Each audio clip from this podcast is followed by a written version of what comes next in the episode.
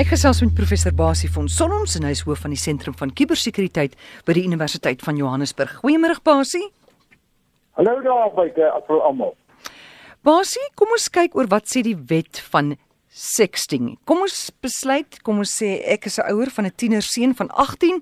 Hy het 'n kaal foto van sy meisie van 17 op sy foon. Iemand gaan klik daaroor, die skool vang hom uit. Nou wat nou?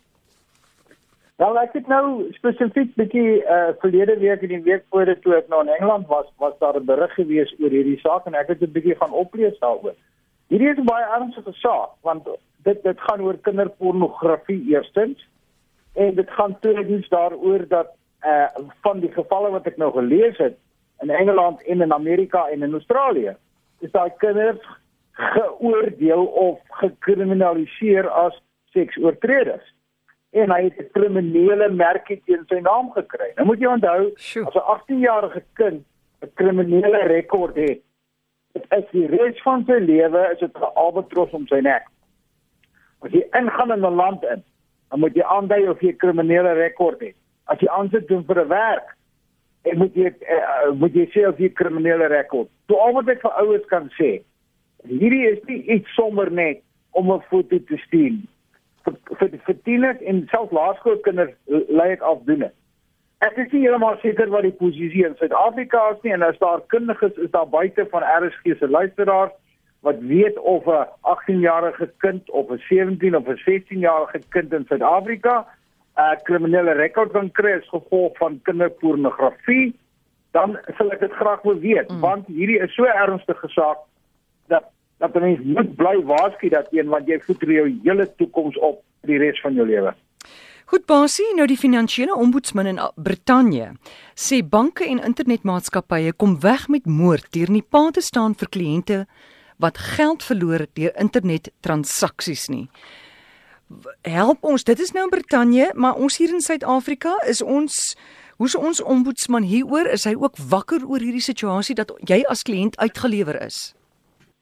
O, ek het so by oor die hoofberig gewees in Londen verlede week op op een van die koerante se voorblaaie dat die banke daar sê die banke is aangesien om groter verantwoordelikheid te vat en nie sommer net eenvoudig te sê jy meneer die kliënt jy het jou aantekening inligting gekompromiteer jammer jy skuldig en ons gaan jou nie 'n sent terugbetaal hierdie ding wat in Engeland gebeur het, is, is vir my baie baie interessant want hierdie ding praat ons in Suid-Afrika ook al baie daarvan en baie van RSG se luisteraars wat daar buite sit het vir my epos gestuur en en hulle het groot geld verloor en hulle het niks teruggekry. So ek dink dat die die beweging dat daar internasionaal meer druk op banke begin geplaas word. Want ek het geen twyfel daaroor vandag as jy met internetbank besig geld verloor, dan is dit nie noodwendig jou skuld. Die banke hmm. kan nie net eenvoudig. Dit het hulle nou in Engeland gesê en ek is soos ek sê, vreeslik bly daaroor. Die die rotte is so gesofistikeerd en daar's interne medewerking in verskillende van hierdie dinge. En die banke kan nie gaan sê maar hierdie bedrog het in die selfoonmaatskappy plaasgevind daar het hulle jou SIM-kaart omgeruil en so voort en met my as bank het dit niks te doen nie.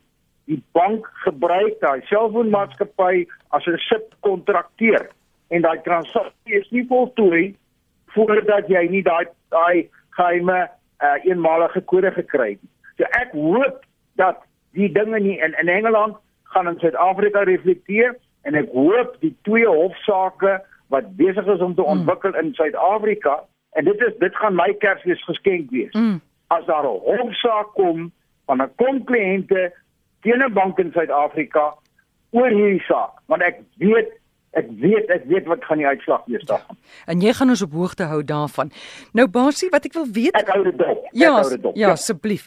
Nou, wanneer gaan Suid-Afrika die die 5G of die G5 mobiele breëband kry? Blykbaar het Lesotho dit al. Uh Ja en nee, ek dink dat baie min plekke in die wêreld wat dit het. Die die spekulasie, die die beplanning is dat volle 5G, nou nou wat is 5G? Dit is die uh dit is die die die netwerk uh, transmissie wat ons gebruik ons selfone. Die oomblik gebruik ons 4G of 3G nog. Dit was 1G, 2G. Dit is dit is die ontwikkeling in die ehm um, die die meganisme, die die selfoon syne uh wat wat op ons fone is. 5G is die nuutste een, maar hy is in Suid-Afrika volgens alles wat ek gelees het, 3, 4, 5 jaar weg. Daar's klein bietjies aan die gang. Klein lande, lande soos Lesotho het eksperimente. Daar was in Suid-Afrika ook al 'n eksperiment gewys gewees om te wys dat 5G werk. En dis 'n ongelooflike tegnologie as hy kom, want hy baie vinniger, hy kan baie meer dinge doen.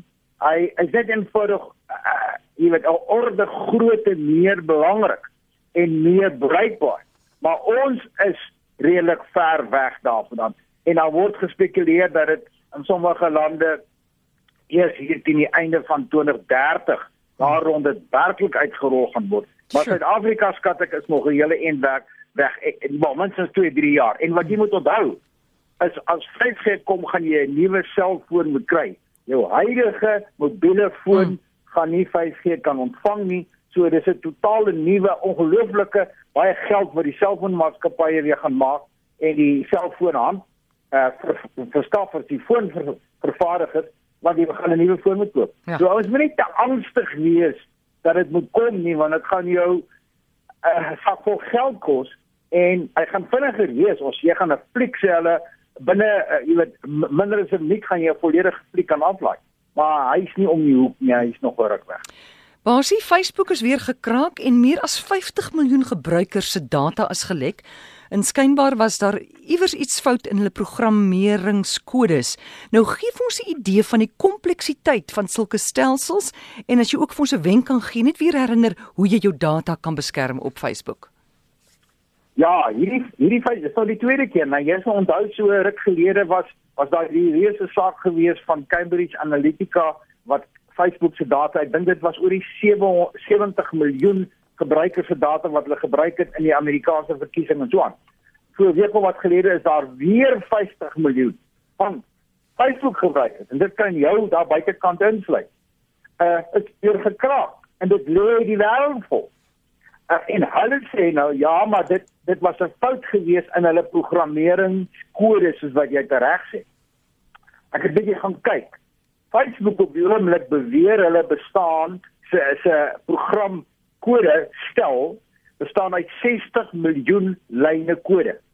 Nou ek sê weer 60 mm. miljoen Sjoe. lyne kode. Nou vra ek jou met trane in my oë.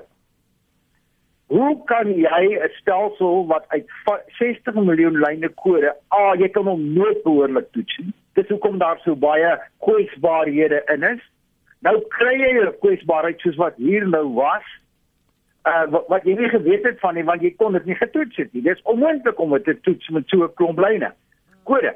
Nou moet jy dit gaan regmaak. Nou maak jy dit reg en nou almal na buite wat iets weet van programmering en baie van die luisteraars weet dit. As jy hier iets verander is soos 'n toukie wat jy trek dan dan dan druk hy iets aan die kant weer uit die plek uit. Dan's daar weer 'n probleem. En dit is ook een van die redes. Uh, uh verskeie luisteraars het my daaroor ook gekontak. Hoekom wag jy so lank as jy jou Windows 10 rekenaar aanskakel? En dit is presies dieselfde probleem. Die kodebasis, programmeringskode basis van Windows 10 is so groot. En as hulle nou wil regstellings of of uh korreksies aflaai, dan vat dit hoe lank omdat die kodebasis so groot is. So ons is besig en elke slag las hulle net aan. Jy kan nie die ding herontwerp jy is so groot. So jy's besig om 'n huis te bou hier. En dis wat Facebook is en dis wat Google is en almal. Dis 'n is 'n programmerings, 'n koderingshuis wat al groter raak en al groter raak en al onstabieler raak en op 'n stadium gaan die hele ding in mekaar voet. So, en, wat en, maak jy as jou data as jou data gekaap is? Kyk, hou jou Facebook dop. Kyk wat so snaakse goed gebeur. En gaan na die verstellings toe. Ek gaan nie deur die verstellings sien nie. Dit is te kompleks. Maar gaan lees wat is jou veiligheidsverstellings en wees versigtig hoe jou data gekompromiteer gekompromiteer word en verander jou wagwoord. Dis so 'n eenvoudige mm. ding, maar onthou nou hulle statistiek wys die meeste mense se wagwoorde is hulle hond se naam of hulle kat se naam of hulle vrou se naam of hulle man se naam of wat ook al en die rotte weet dit. gaan kies 'n ordentlike wagwoord en as jou data daarmee uh, uh, gekompromiteer is, begin van voor af. Basie, laastens wil jy iets sê oor die SASSA biometriese vaslegging? Wat is dit? Wel, dit was nou nogal hoofberig gewees op die 4 uur nuus. Dit is vir my vreeslik 'n interessante saak. Jy sal onthou die SASSA storie. Uh dit is die uitbetaling van ons sosiale pensioene elke maand. Hmm. Miljoene hmm. mense kry daai kode en die vingerafdrukstelsel werk. Met ander woorde, as jy aan die einde van die maand aan die tou gaan staan en, en om jou maandelikse pensioen toelaag te kry, jou staatstoelaag, dan moet jy jou vingerafdruk gee. Biometrika is maar net eenvoudig vingerafdrukke plus 'n klomp ander goed, maar hier gebruik hulle vingerafdrukke. En dit is ingebou en ingestel 'n paar jaar gelede om korrupsie te voorkom. Want baie ouens het geregistreer onder drie verskillende name en dan kry hulle drie keer toelaas.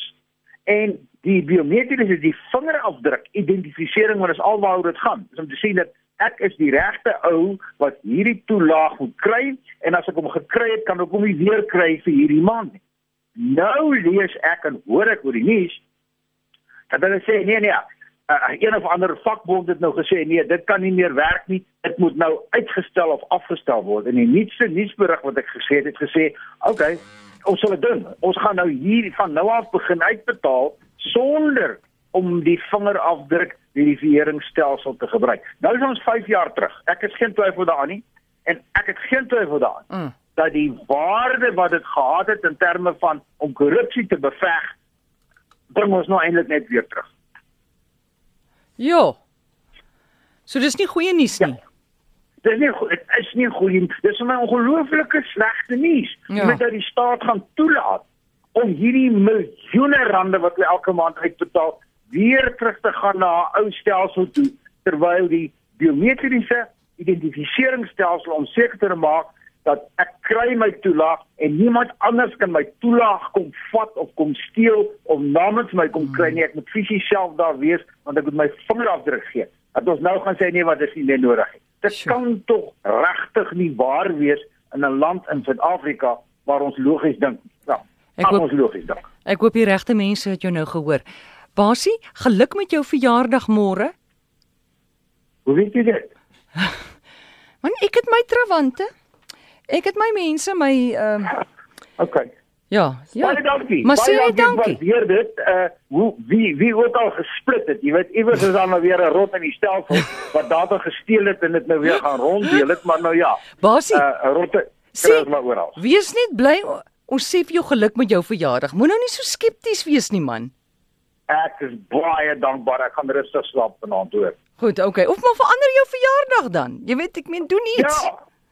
Goed. Baie dankie. Goed Basie, laat dit goed gaan. Dankie vir almal hoor. Dankie vir jou. Dis professor Basie van Solms en jy kan hom kontak by rsgbasie by gmail.com.